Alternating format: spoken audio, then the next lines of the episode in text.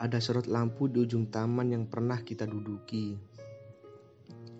Perjalanan-perjalanan yang tak ada lelahnya, hingga merpati-merpati yang terbang dengan kepakan sayap perpisahan. Bukan diriku yang tak ada hati lagi. Bukan diriku juga yang tak sayang. Karena kau tahu segila apa aku mencintai dan secandu apa aku merindu.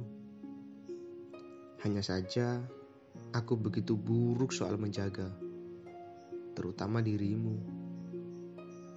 Maaf untuk semua kekilafan diriku. Doaku, semoga kau cepat pulih, cepat lupa, dan bertemu dengan orang yang pandai menghargai serta menjagamu. Biarlah diriku menepi sejenak mengenang debar yang dulu pernah kau beri, serta menginjak ego yang kupilih. Malam ini tak ada lagi tangis, karena aku tak benar-benar kehilanganmu.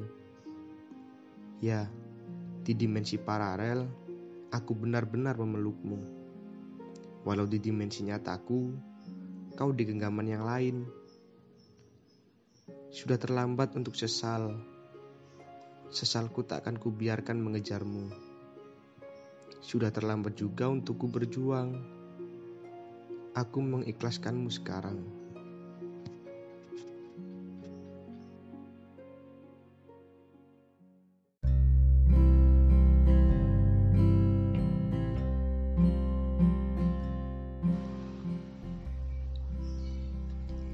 Sudah lama tak dengar mantra-mantra sebelum tidur.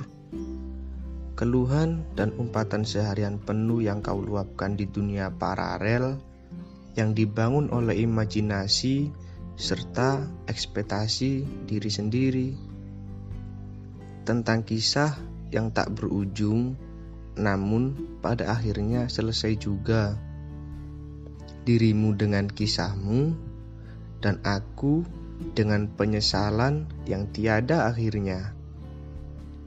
Masih ingatkah dirimu dengan angan-angan kita dulu? Angan yang pada akhirnya hanyalah sebuah narasi dari cerita yang tak kalah menyedihkan. Akhir cerita, aku hanyalah seorang figuran payah yang tak pernah menjadi pangeran yang diimpikan setiap orang padaku. Akhirnya, Kisah ini hanyalah sebuah dongeng orang dewasa yang tak ada indah-indahnya.